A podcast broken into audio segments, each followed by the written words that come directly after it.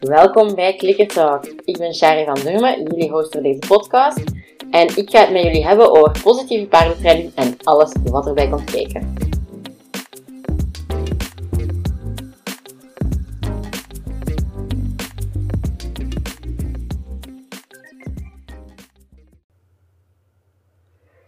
Welkom bij weer een nieuwe aflevering van Clicker Talk. De vorige afleveringen waren allemaal een beetje, of toch zeker de solo-afleveringen, waren allemaal meer uh, praktijkgericht, meer hands-on tips. En deze week is het dus weer tijd voor een iets theoretischere aflevering, want we gaan het hebben over trigger stacking. En dat is een begrip dat ik waarschijnlijk in andere afleveringen ook wel heb aangehaald, omdat dat iets is wat dat bij paarden best vaak voorkomt, maar ook bij onszelf. En ja, je ziet dat eigenlijk dus echt wel geregeld terugkomen, maar dat wordt niet altijd herkend of daar wordt niet altijd met veel begrip op gereageerd. Nu, voordat ik het ga uitleggen, wil ik eerst even een voorbeeld geven. Dus doe je ogen even toe, tenzij dat je met de auto aan het rijden zit, dat niet. Ehm, maar dus stel je voor, het is maandagochtend. De, je wordt wakker van de zon die dat zo zachtjes je kamer binnen schijnt en je denkt, oh, verdorie, ik ben door mijn wekker geslapen. Ik moet over vijf minuten de deur uit zijn. Dus je vliegt uit je bed. Je neemt snel wat kleren uit de kast. Je ontbijt terwijl je de hond buiten laat. Want je hebt eigenlijk, dus ik zeg het nog maar vijf minuten om de deur uit te zijn voordat je eigenlijk moet vertrekken naar je werk. En terwijl je de hond terug binnen laat, springt hij op tegen u met zijn vuile modderpoten. Uw broek, uw trui, helemaal vuil. Terug naar de slaapkamer, omkleden, nieuwe kleren kiezen ook. Oké, dan snel naar je auto. Je zit later dan normaal, maar het gaat u nog lukken om op tijd, om op tijd te zijn als er geen file is.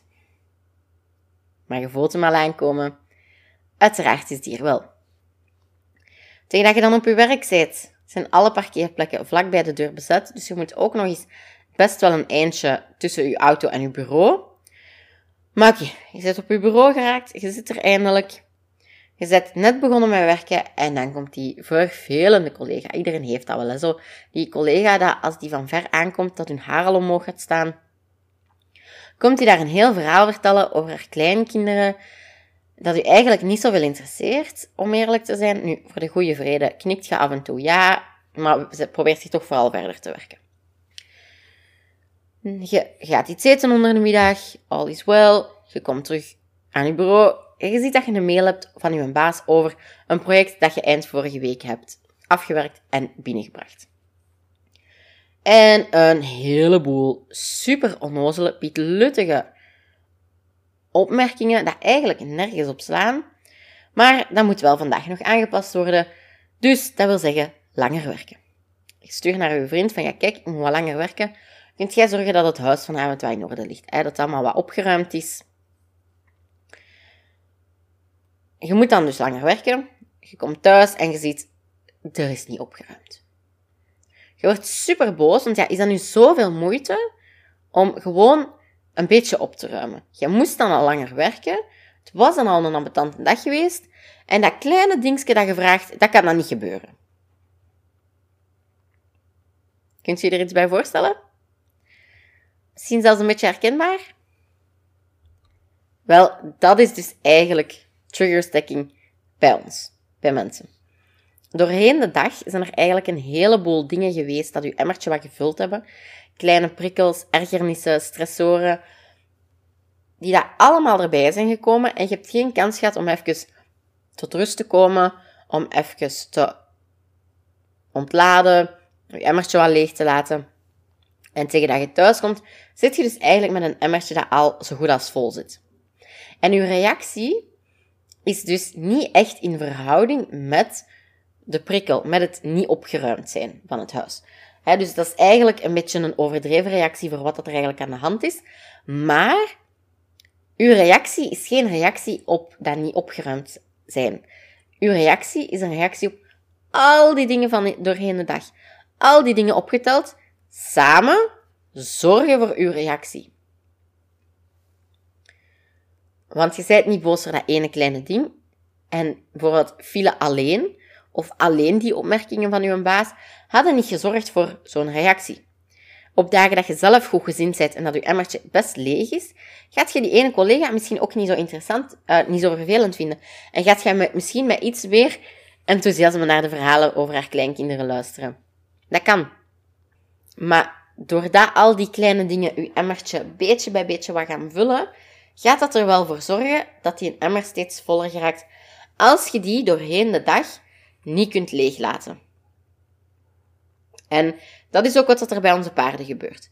Verschillende prikkels, verschillende stressoren gaan dat emmertje vullen en op een bepaald moment is dat emmertje gewoon vol, gaat dat overlopen en krijg je een reactie. En dan kan dat zijn dat die reactie heel overdreven overkomt voor de situatie. Ehm, een voorbeeld dat iedereen wel zal ja, herkennen, niet uit zichzelf, maar wel al gehoord zal hebben. En zo de paarden dat verschieten van gewoon een blaadje dat valt. Ja, dat blaadje dat valt is waarschijnlijk voor dat paard zelf geen groot probleem.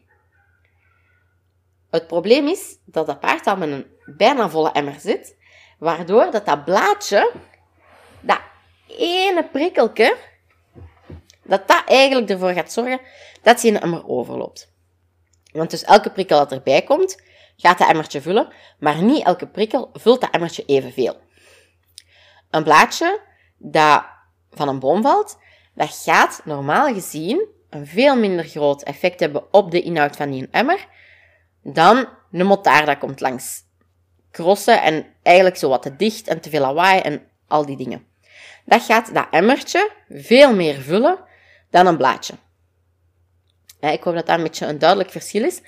En, maar dat wil niet zeggen dat de, al die kleine prikkels, dat eigenlijk van hun eigen, die motaar van zijn eigen gaat misschien al die een emmer volledig kunnen vullen. Waardoor dat je dus ook al een grote reactie krijgt. Nu, dus die grote stressoren zijn dingen waar wij vaak wel begrip voor kunnen opbrengen, maar um, die kleine vaak niet. Omdat voor ons, op het eerste zicht, is de reactie gewoon niet in verhouding met de situatie. Een paard dat super hard verschiet van een motaar dat vlak langs hem voorbij rijdt met heel veel lawaai, dat vinden we een normale reactie. Voor ons is dat dan een reactie die in verhouding staat met de situatie. Maar, zoals ik al zei, moet je daarop rekenen dat elk paard zijn emmertje heeft en dat daar dus eigenlijk allemaal dingen al in zitten voordat je bijvoorbeeld op wandeling vertrekt. En dan kan het dus lijken dat het strikt van iets onbenullig. Maar als dat emmertje gewoon al bijna vol zat, bijvoorbeeld omdat hij het nog spannend vindt om op wandeling te vertrekken, maar hij kan het wel aan, maar de spanning ligt al vrij hoog. Dat is een grote stressor die zorgt dat dat emmertje al bijna vol zit van zichzelf. Als daar dan maar iets klein bij komt, ja, dan gaat dat emmertje ook al overstromen. Dus daarom is het belangrijk om je bewust te zijn dat deze proces bestaat, zodat je op het moment dat je paard lijkt overdreven te reageren, dat je even kunt gaan terugkoppelen van oké, hoe komt dat nu?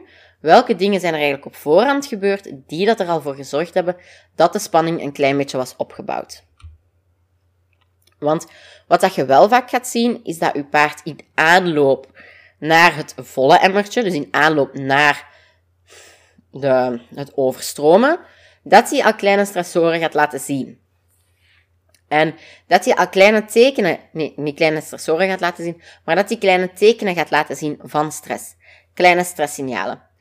Heel vaak gaat een paard niet van 0 naar 100 in de vingerknip. Daar zitten stappen tussen.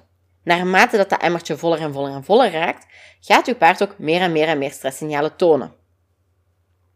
Zoals ook al in een andere aflevering aangehaald, ja, het is natuurlijk wel afhankelijk van hoe dat uw paard is van karakter en wat dat is zijn leergeschiedenis, hoe, hoeveel en hoe fel dat hij die stresssignalen gaat tonen. Dus daarom is het heel belangrijk om je paard goed te kennen, om te weten wat zijn voor hem grote signalen, wat zijn kleine signalen. En sommige paarden gaan heel snel beginnen likken en kauwen. Bij andere, die gaan dat pas doen op het moment dat die eigenlijk al bijna over de rode zijn. Dus dat moment van, van, hoe moet ik het zeggen, um, dat moment van die signalen dat er zijn, ik kan niet zeggen dat zijn signalen dat er een lichte stressverhoging is, want dat is afhankelijk van uw paard. Elk paard is er anders in. Dat is een deeltje aanleg, ook een deeltje leergeschiedenis. Dat hangt, er, dat hangt allemaal wat samen. Dus je moet daarvoor heel goed gaan kijken naar je paard. Wie is je paard? Hoe reageert je paard? Um, om dat te gaan weten. Maar ik heb het dan over dingen zoals de ogen die wat opengesperd staan. Dus dat is een spierenopspand. In beweging, dat die staart minder soepel de beweging van de ruggengraat volgt. Dat zijn dingen dat je moet gaan herkennen, want dan kun je een uitbarsting voorblijven. Dan kun je gaan zien, oké, dan kun je gaan zien van, oké, mijn paard is spanning aan het opbouwen, dus nu moet ik ingrijpen, nu moet ik daarop gaan inspelen.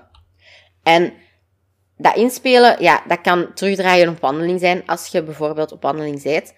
Um, je zult vaak zien dat je dan een stapje terug moet zetten in een training, of uh, even een pauze nemen, of zelfs helemaal stoppen voor die dag. En dat je dus de criteria wat moet verlagen.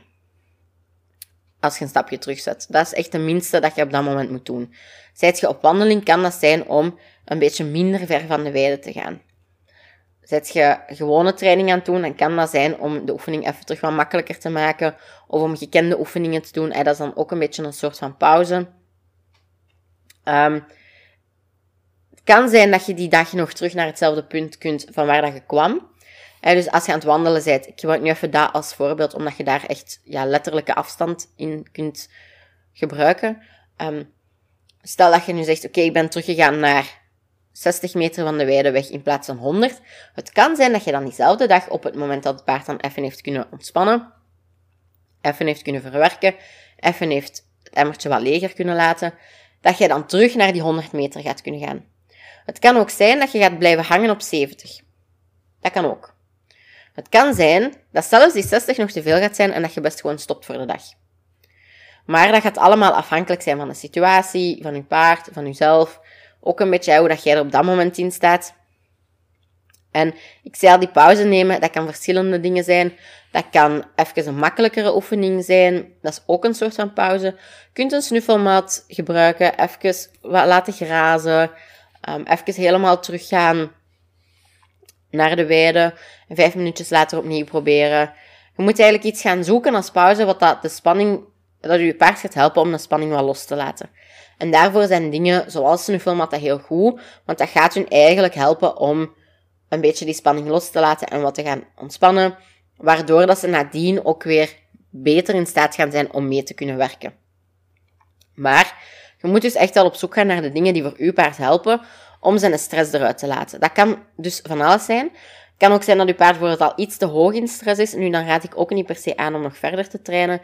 Um, maar als je een heel bewegelijk paard hebt bijvoorbeeld, dat je hem even de kans geeft om te bewegen, dus dat je hem niet gaat stilzetten, maar dat je hem de kans geeft om zijn stress eruit te stappen of te lopen zelfs. Um, maar wat dat je wel vaak ziet, is dat paarden op het moment dat ze echt gaan beginnen lopen van de stress, dat ze eigenlijk al over een stressdrempel zijn gegaan. Dus dat je eigenlijk al iets te ver zat. Dus dat je in het vervolg best iets vroeger gaat erop inspelen.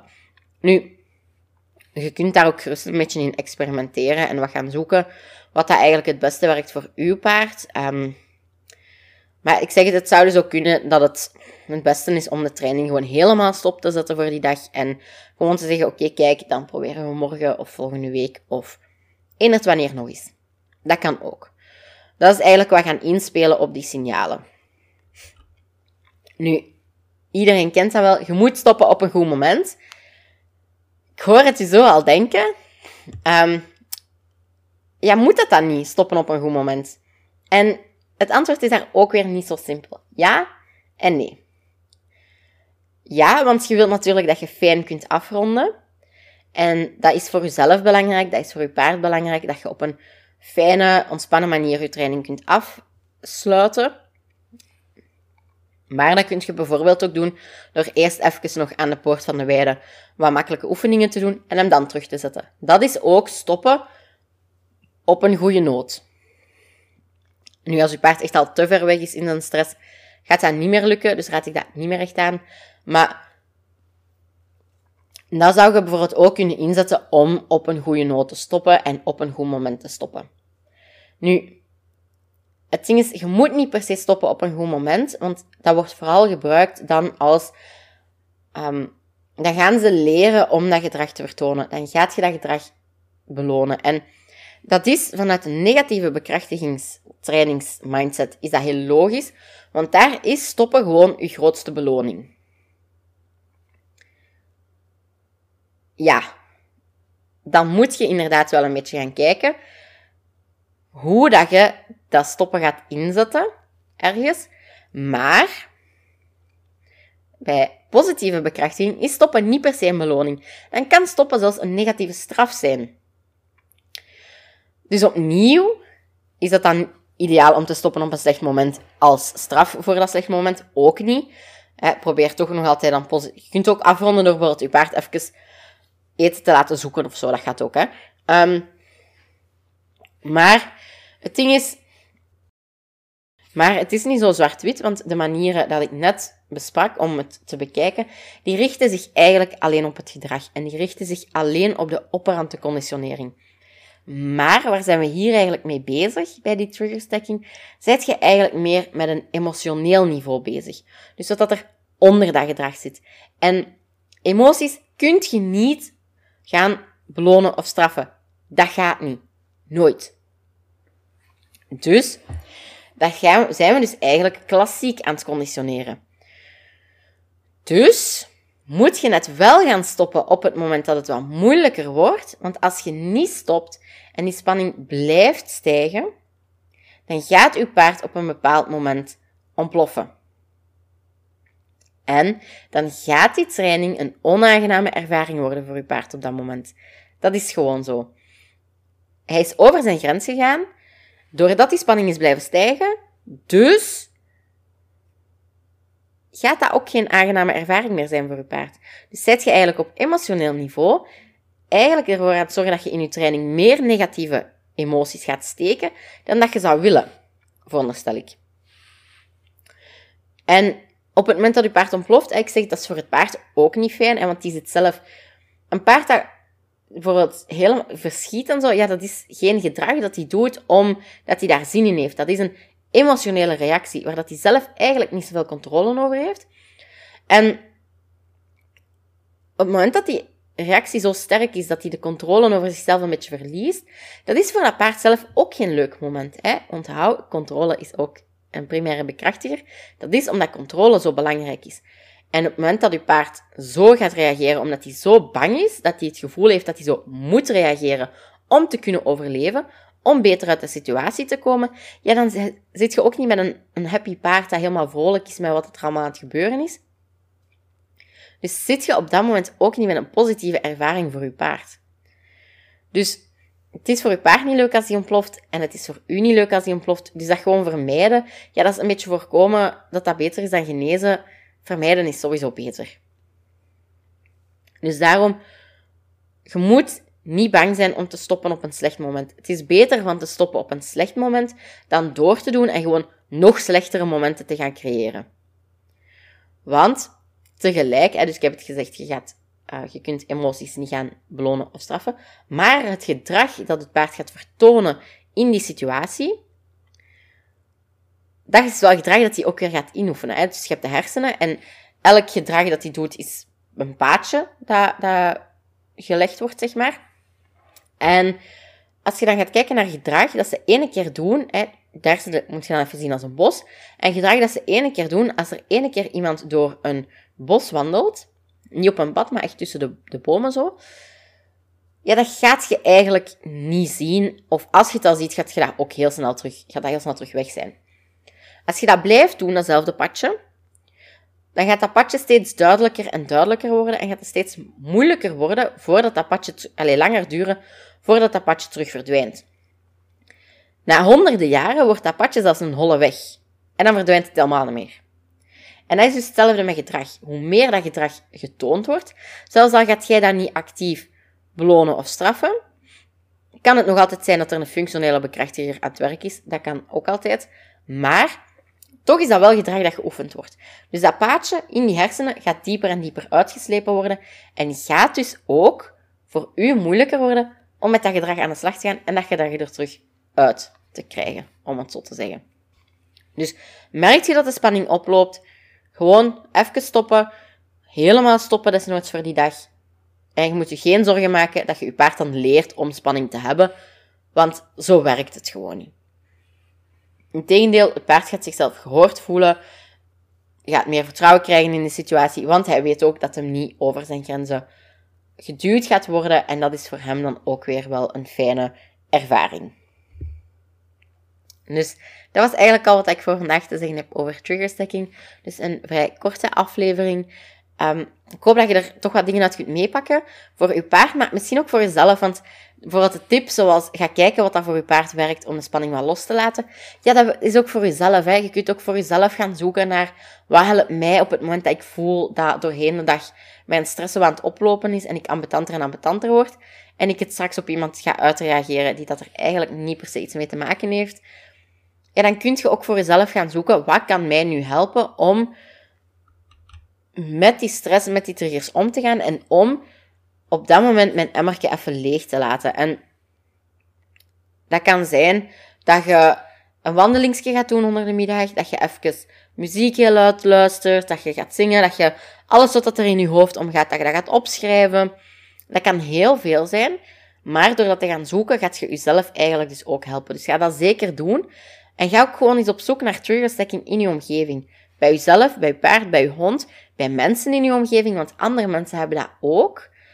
En op het moment dat je dat meer en meer gaat herkennen, gaat je ook meer en meer begrip kunnen opbrengen voor die reactie. Want waarschijnlijk in het voorbeeld van het begin van de aflevering, uw vriend gaat dan zoiets hebben, zeg, hallo, doe eens gewoon even chill, ik ging dat nog doen. En voor hem voelt dus uw reactie heel overdreven aan. Die gaat zich heel aangevallen voelen waarschijnlijk. En ja, die gaat daar waarschijnlijk met niet zoveel begrip op reageren. Wat dat jij waarschijnlijk in het omgekeerde geval ook niet zou doen. Maar als je dat gaat herkennen als wat het is, dan gaat je daar iets geduldiger mee kunnen omgaan. Gaat je daar iets milder mee kunnen omgaan. En datzelfde geldt dus ook voor jezelf. Hè? Als je dat bij jezelf gaat herkennen, gaat je dus ook iets milder kunnen zijn voor jezelf. En iets meer jezelf credit kunnen geven van, oké, kijk, ik heb zo gereageerd. Was dat oké? Hm, niet per se.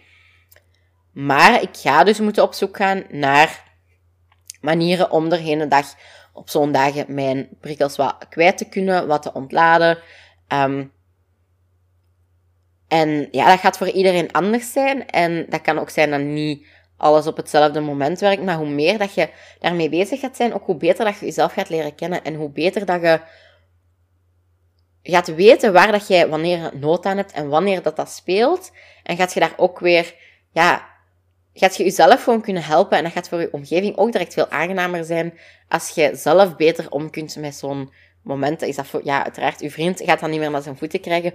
Gewoon omdat hij een keer eens niet heeft opgeruimd. Of als je daar dan al een opmerking over zegt, over geeft, gaat dat een rustigere opmerking zijn wanneer dat je dat, dan wanneer dat je dat puur doet vanuit een emotie, zoals in het voorbeeld. En dan zit je weer een beetje met dat instinctieve nadenkend vermogen dat we zelf ook wel wat hebben.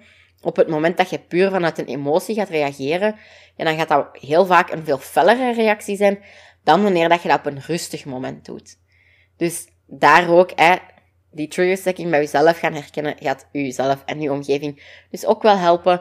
Maar uiteraard ook hè, ga kijken bij je paard wanneer dat, dat voorkomt. Want dus hou er dan ook wel rekening mee dat die een emmer gevuld wordt door alles wat er gebeurt in het leven van een paard. Niet alleen de dingen van het moment dat je begint met trainen, maar ook wat er gebeurt in de wei.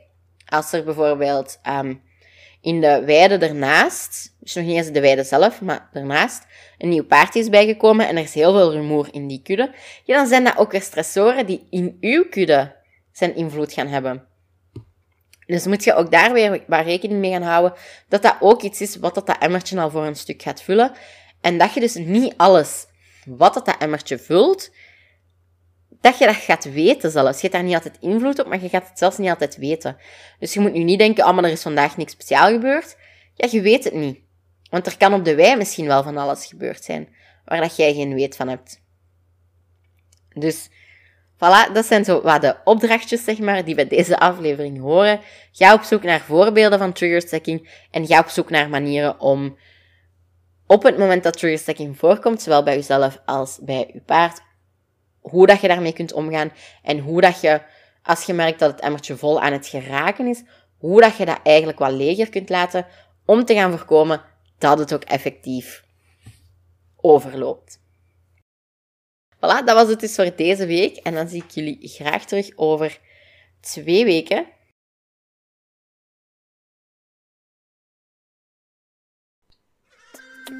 Dat was het voor deze week in Klikkertalk. Ik hoop dat je het een fijne aflevering vond en dat je er natuurlijk ook iets uit geleerd hebt. Want dat is uiteindelijk wel de bedoeling van deze podcast.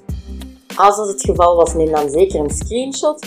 Deel die op je Instagram stories en tag me dan ook zeker, zodat ik het zeker zie, op atcharvd.ekelis. Heb je nog vragen of eventueel onderwerpen of personen die ik in de toekomst zeker nog aan bod moet laten komen, mag je mij dat ook altijd laten weten, zowel via Instagram als op mijn e-mailadres shari.klikkerfijn.be. Tot volgende week!